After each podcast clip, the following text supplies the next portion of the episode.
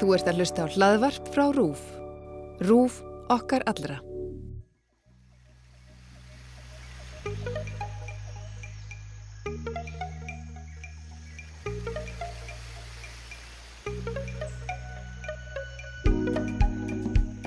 Góðan dag kæri hlustandi, þú ert að hlusta á X21, það er kostninga hlaðvarp RÚF. Ég heiti Guðmundur Pálsson.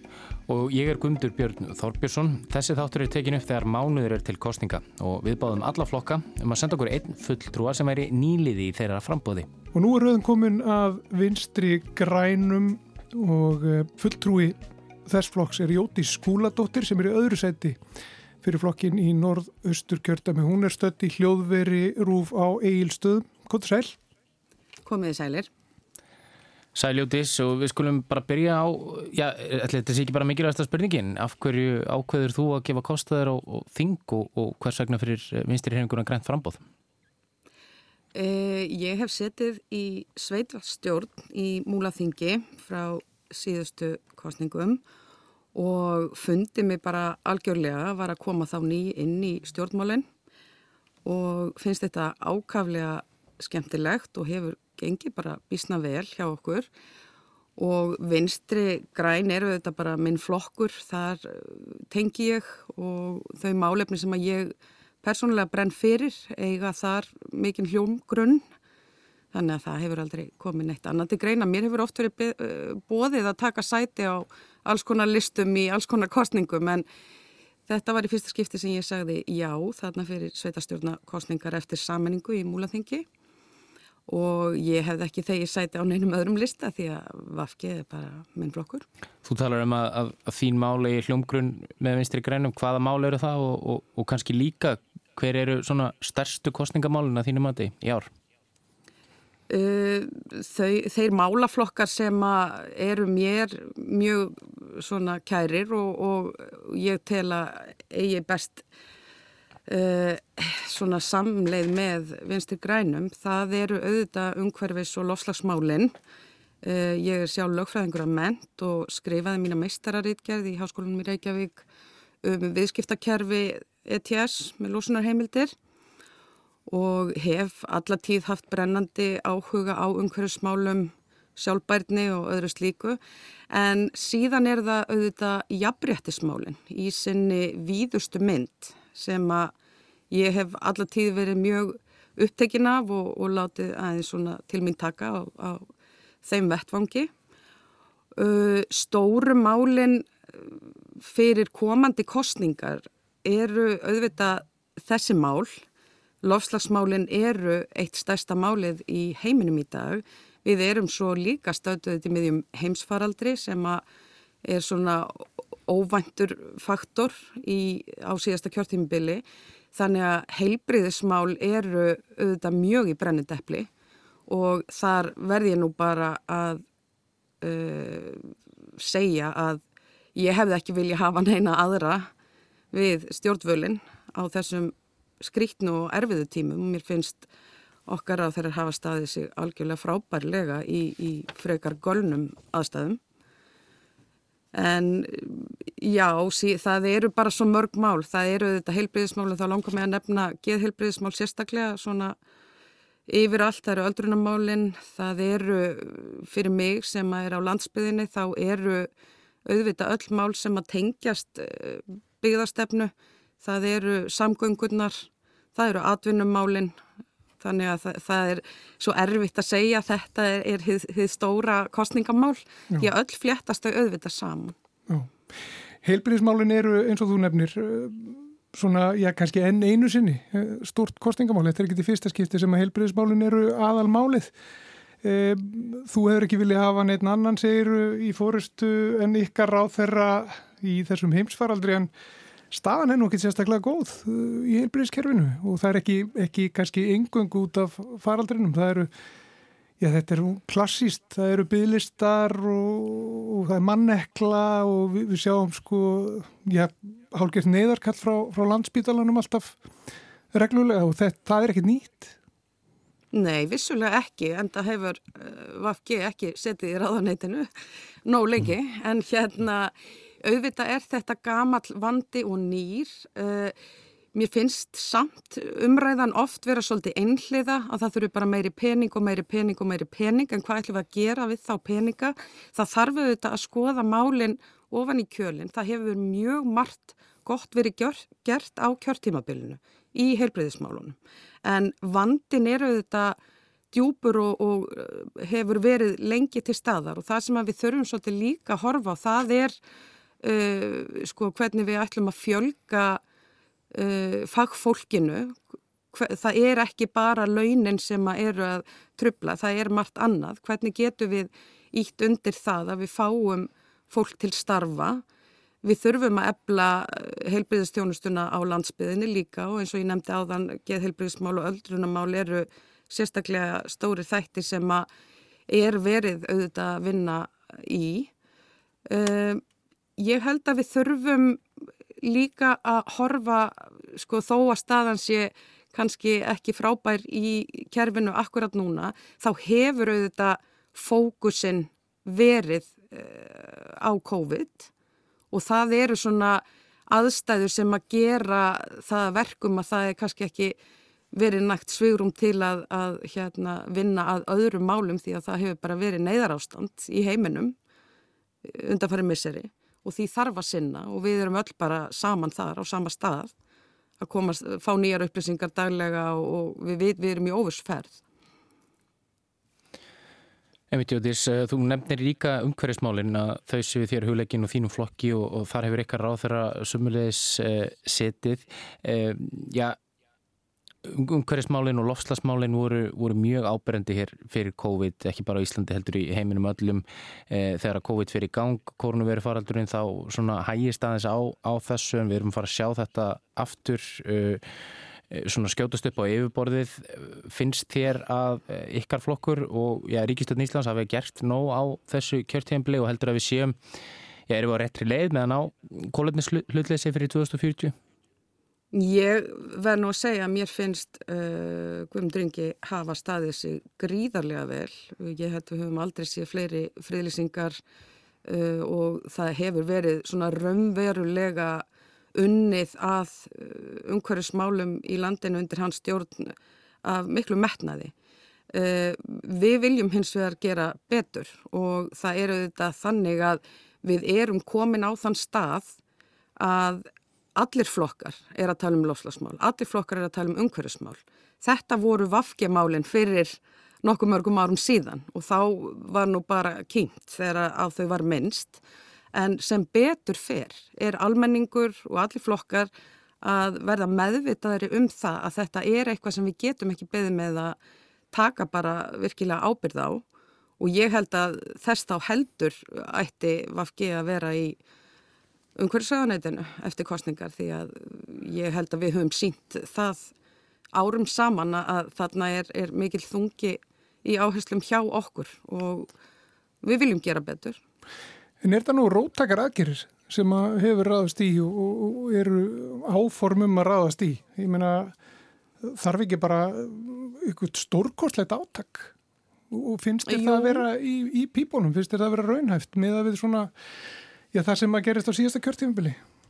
Já sko, við getum alltaf hort á svona hluti auðvita væri frábært að fara bara í róttækt áttak þar sem að koma upp eh, eitthver bóð og bönn og við ætlum að fara þessa leið og hýna en í samfélagin okkar eh, er alls konar fólk og við erum samansett af alls konar uh, atvinnustarfsemi, alls konar uh, manneskum sem að hafa mismunandi uh, upplifun og ég líki stundum saman sko lofslagsmálunum og COVID að það er ekki einfalt að taka bara eina uh, ákverðun, við ætlum bara að loka landinu til þess að stoppa að COVID geti grassira hér, að því það hefur gríðarlegar afleiðingar á ákveðna atvinnustarðsemi á sko uh, bara þjóðar búið í heilsinni, þannig að það þarf auðvitað alltaf að skoða málinn út frá mörgum þáttum, en ég held að við getum gert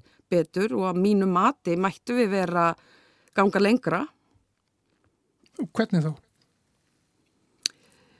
Ég held að við gætum til dæmis hort til þess að setja stífari kröfur á, á hérna atvinnu málinn að það væri eitthvað, ég, ég hef ekki, hvorki á COVID-19 í lostasmálunum hinn endanlegu lokalöst en hérna ég held að við gætum gert til dæmis með annars vegar kvötum og hins vegar með, með eitthvað konar regluverki.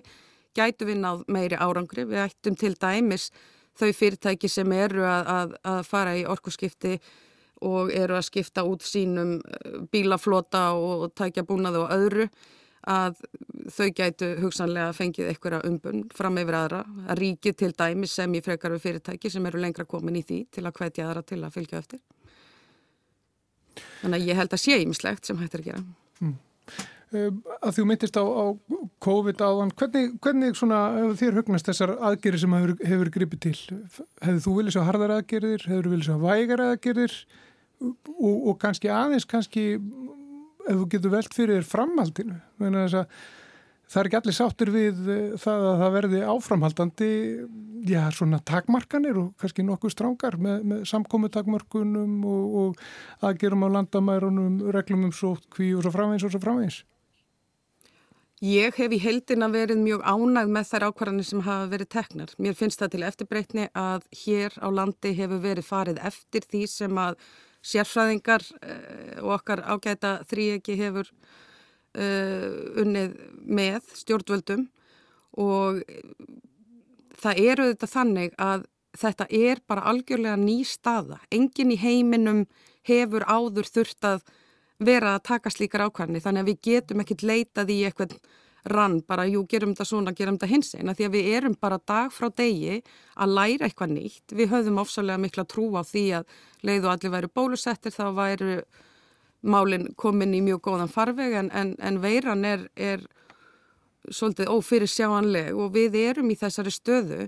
Ég upplifi það nú, til dæmis nú eru skólar að byrja og, og hérna ég held að fólk sé almennt meðvitað um það að við erum á óvissu tímum. Það verður ekki fullkomlega eðlilegt hvorki skólahald niður líf uh, í heiminum á meðan að staðan er þessi og við erum bara jamt og þétt að reyna að taka bestu ákvarðanir miða við þær upplýsingar sem við höfum hverju sinni og ég held ekki að einhver ein leið Eh, sem hefði verið farin hefði verið einhver eh, sko breytt stöðunni fullkomlega að hér gætu við lifa COVID-laus ef bara eitthvað sko. Emitt, Jódís, uh, við ætlum að skiptum gýr núna uh, og, og tala um, um önnur mál síðustu ár hefur Íslandika, hafa, hafa Íslands stjórnvöld tekið á móti flottafólki meðan frá Sýrlandi þar sem hefur náttúrulega geisa stríð síðastlegin áratug. Eh, það eru skipta skoðanum með þetta í samfélaginu hvort við séum að taka á móti næla mörgum, eh, næla mikið fólki frá stríðsröðum svæðum og, og fólki sem sætir ofsóknum heimaferir. Eh, finnst þér við, eða finnst þér stjórnvöld vera að standa sig vel í þessu máli eða getur við tekið á móti fleirum? Ég held að uh, þetta er nú einmitt eins og bendir á, þetta er eitt af svona flóknum málunum þar sem að eru gríðarlega skiptar skoðanir í samfélaginu og ég held að það yrði aldrei uh, tekin ein ákverðun sem að allir væri hoppandi kátir með. Ég held að við getum gert betur og ég held líka að oft er orðræðan daldið ósangjötn, við sjáum í blöðunum mynd af uh, ákveðinni fjölskyldu eða batni sem á að vísa úr landi en við heyrum ekkert af þeim fjölmörgu sem að hér fá uh, dvalarlefi. Uh, við stöndum auðvitað frammi fyrir miklum hörmungum núna, bæði út frá loslagsmálunum, því sem er að gerast í Afganistan, það er auðvitað uh, erfið staða í heiminum og flótamannaströmmurinn er gríðarlegur og ég held að við getum gert betur en ég held að við þurfum samt að horfa aðeins í hvernig kerfið okkar er að virka og við þurfum auðvitað að hafa innviði til að taka á móti fólki. Emit, eh, þú nefnir hann að Afganistan og staðan sem er uppi komin í Afganistan er náttúrulega, já, eina ástæðan þess, eina ástæðan þess er eh, já, hernaðar bröld og, og stríðsíðasliðna 20 ára sem að, sem að Allandshamnsbandarlegi NATO hefur tekið þátt í. Það er stefnað þínsflokks að standa utan hernaðarbandalega og hafnavíðaðingu á, á þjóða vettvangi eh, Vafgi leggja áherslu á að Ísland segi sér NATO. Það stendur orðirétt í ykkar stefnu. En Ísland er í NATO og, og tekur þátt í ymsum verkefnum á, á þeim vettvangi og þetta allt saman náttúrulega undir ríkistjórn og í ríkistjórn Katrínar Jakobsdóttur. Serið fyrir þér að útganga úr NATO verði nú sett í forgang hjá þínum flokki svona í ljósið þess að þetta er ju eitt af ykkar aðal stefnumálum. Þurfuð ekki að vera aðeins skýrari hver þið standið þannig? Uh, ég held að það sé uh, algjörlega þannig og það er mín tilfinning innan úr græsrótin og annar staðar að við erum með þetta flokkur friðar og, og, og það er mín persónulega skoðun að Ísland eigi ekki heima í NATO en um það eru auðvitað skiptaskoðanir líka. E, hvort að það verður sérstakt áherslumál, mér finnst stefnan okkar vera alveg skýr í þessu en eins og sko þó að við segjum ríkistjórn Katrínar Jakobsdóttur þá er hún ekki einráð á Íslandi sem betur fer, við viljum ekki slíkt kerfi heldur snýst uh, þetta um hérna bara samstarf og ég held að já, það verður sjálfsagt út frá stöðunni í dag meiri áhersla innan úr floknum á það að við bara uh, leggjum á það áherslu. En kjósendur ykkar hljóta náttúrulega vilja hafa þetta á hreinu að þetta sé skýrt? Já, mér finnst stefnan vera skýr. Ef við tölum að um, um samstarfið þá, uh, þetta ríkisjóðarsamstarf, uh, það voru nokkið allir í, í, í þínu flokki ja, kátir, hoppandi kátir beint með að fara í ríkistjóð með, með sjálfstæðisflokki og framsók sumi sögðu sér nú bara hennilega úr flokknum. Uh, tveir þingmenn hættu á, á kjörtímabilinu og eru núni frambóð fyrir aðra flokka svona, já, hvernig finnst þér þetta ríkistjóðarsamstarf hafa gengið? Ert nýr frambjóðandi uh, sem kemur fram já. núna eftir, eftir fjögur ár uh, af þessu samstarfi Já, uh, sko ég held að það sé auðvitað þannig að við erum auðvitað reyfing í kringum ákveðna málaflokka og hvort að þeir málaflokkar eh, hljóti eh, einhvert vægi og að við komum okkar málum á dasgrá eins og hjá öllum öðrum flokkum, þá held ég að skipti máli hvort þú ert í ríkistjórn eða, eða stjórnarandstöðu. Uh, ég held að við útilokum ekki samstarfi neitt flokk auðvitað væri frábært að fá hér vinstirstjórn. Það væri eitthvað sem mér myndi alveg hugnast. En það þarf auðvitað bara að skoða uh, þær áherslur og það sem að leikur fyrir. Mér finnst ríkistjórnastarfið hafa gengið ágætlega. Það hafa verið uh, hérna, erfið mál og það hefur þurft að gera málameðlanir á báða bóa og alla bóa en í heldina litið held ég að uh, það hafi, já, gengið þokkarlega vel. Mm -hmm. Myndur þú að vilja svo framhald á þessu samstarfi á næsta kjörtjömbili? Nei, ég er ekkert að segja það. Ég bara er ekkert búin að mynda mér skoðun á því en það held ég að sé aldrei hægt að vera búið að mynda einhverja ríkistjórn sko fleiri vikum fyrir kostningar. Það feruð þetta bara eftir því og við sjáum náttúrulega bara niðurstöðu kostningarna uh, hvað kjósendur er að horfa í en ég held að það sé mikilvægt að útiloka ekki samstarf við neitt flokk. Auðvitað er, eru einhverjir flokkar nær okkur málefnarlega séð og aðrir fjær en eins og ég segi að, að ef að við höfðum til dæmis ekki farið í ríkistjórn eftir síðustu kostningar þá væru við á allt öðrum stað varðandi umhverfismál, við værum á öðrum stað varðandi helbriðismál það væri ímislegt sem að við höfum gert vel á kjörtímubilinu sem að hefði ekki náðst í gegn í mhm. annars konu samstarfi. Já, uh, kannski bara í lókin, Jútís, uh, hvernig eigum við að byggja blandið eftir COVID, eftir COVID-kreppuna? Hvað er, hvað er mikilvægast? Uh, ykkar flokkur leggur áherslu á græna uppbyggingu eftir heimsfaraldur með ringrásar, hagkerfi, sjálfbærni og hagræna kvata leðalösi. Er þetta raunhæft og, og, og hvernig eigum við að ná þessum markmiðum? Já, ég held að þetta sé alveg raunhæft. Við höfum á Íslandi ótrúlega öflugar auðlendir, við eigum svo ótrúlegan mannauð, við eigum svo dásamlega náttúru og við eigum fjölbreytt atvinnulíf en þar þurfum við að gera betur. Og ég hér sem sko sveitastjórnafulltrú í Múlaþingi hef ítrekka lagt á þetta áherslu. Ef við horfum á til dæmi sjávarútvegin, við horfum á landbúnaðin, við horfum á, það er mikil uppgangur í uh, fiskaldi, Uh, allt eru þetta atvinnugreinar sem að skipta máli, allt eru þetta atvinnugreinar sem eru komnar til að vera, en hvernig getum við sem þjóð ábyrst það að uh, umhverfi sjónamið, dýravend og innviðir Íslands samfélags njóti sem mest haksins af allri atvinnustarðsemi og mér er alveg sama hvert við lítum, hvort það heita vindorku veri eða, eða fiskeldi eða landbúnað, sjávarútvögur eða hvað sem það er, þá finnst mér gríðarlega mikilvægt að við séum miklu sjálfbærari, að við séum uh, sem sagt að, að sinna uh, okkar innviðum meira heldur en erlendum fjárfæstum. Uh, eitt sem ég langar að nefna, að því að ég er nú svona landsbyðar kona, þá held ég að við getum gert miklu, miklu betur í því að vera sjálfbær innan okkar sveitafélag og innan okkar svona byggða kjartna. Að til dæmis að ef að við erum með uh, upplugt uh, samgöngu kerfi þannig að hvort sem það eru sjómenn eða bændur, hvort sem það eru uh, söðfjárbændur, gardirkjubændur eða hvað, geta mett heimamarkað með sínum vörum, þá held ég við séum á réttir leið. Mm, og hvernig séu þetta fyrir þér? Uh, ég sé þetta til dæmis fyrir mér uh, ef við horfum á, á söðfjörrækt þá held ég að við séum daldið gamaldags í, í allri umgjörð þar. Ég held af hverju eru við að slátra tíu vikur á ári? Af hverju ekki tíu mánuði?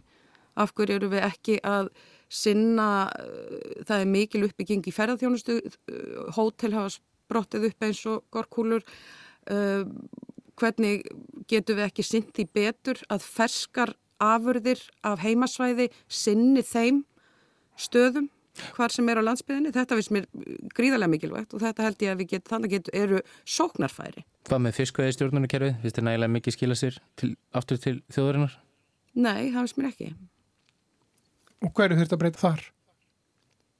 Þetta er auðvitað gríðarlega stórt og flókið mál og, og ég er nú búin að vera auðvitað á faraldsfæti í hérna kostningabarátunni og hef heimsótt eh, sjávarútust fyrirtækin og annað og það er auðvitað að mörgu að líta þar. En ég held að við þurfum að, að, að koma því þannig fyrir, ég er nú ekki sérfræðingur í sjávarútusmálum en ég held að það sjáu það allir sem sjá vilja að það er hrópandi eitthvað að. Og við þurfum eitthvað neginn að tryggja að mínu mati til dæmis bara með auðlinda ákvæðinu sem að Katrín talaði fyrir í þinginu það að arðurinn af okkar auðlendum, hvort sem hann heitir fiskur eða orka eða hvaða er, á að miklu starri hlut að renna inn í næsamfélagi.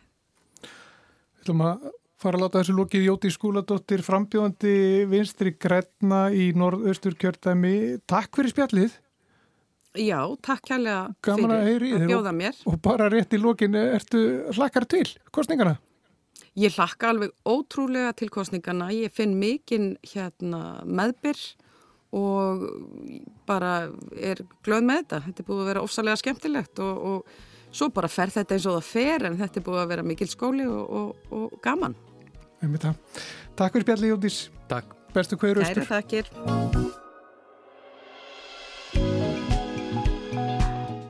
Þú varst að hlusta á X21 kostningahlaðarp RÚF þar sem rætt var við Jótísi skúladóttur en hún skipar annað sæti á lista vinstri græna í norð-austurkjörðami. Nýjir þættir af X21 byrtast reglulegi spilara RÚF og á helstu hlaðvarpsveitum þar sem hægt er að gerast áskrifandi með því að smetla á subscribe takkan og sækja þætti um leið og þeir þetta inn. Ég heiti Guðmundur Pálsson og ég er Guðmundur Björn Þorbjörnsson. Takk fyrir að hlusta.